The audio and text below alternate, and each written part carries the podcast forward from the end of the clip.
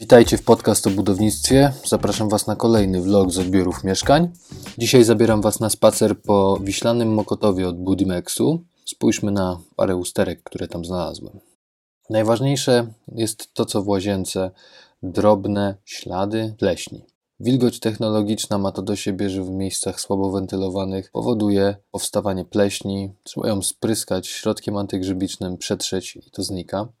Szybki przegląd standardu deweloperskiego oferowanego na tej inwestycji. Na szybach jest parę drobnych rys, zabrudzeń, zadrapań. Mój taki łopatologiczny test e, przyczepności farby w malowanych mieszkaniach. Zrywamy taśmę, nic się nie oderwało.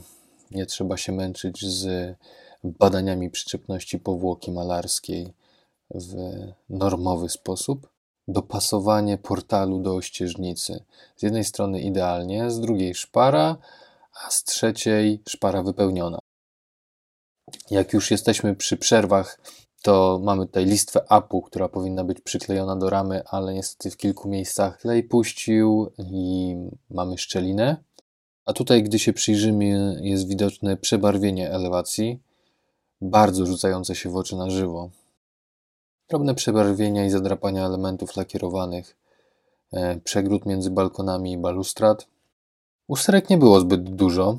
Jedna, której zdjęcia nie zrobiłem, to odległość miejsca postojowego od e, ściany. Zgodnie z nowymi warunkami technicznymi powinna być 30 cm pomiędzy miejscem parkingowym a ścianą. W tym przypadku było 21 i oczywiście wszyscy będą z tym dyskutować.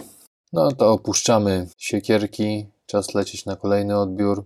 Wiślany Mokotów dla mnie to była druga wizyta na kolejnym etapie.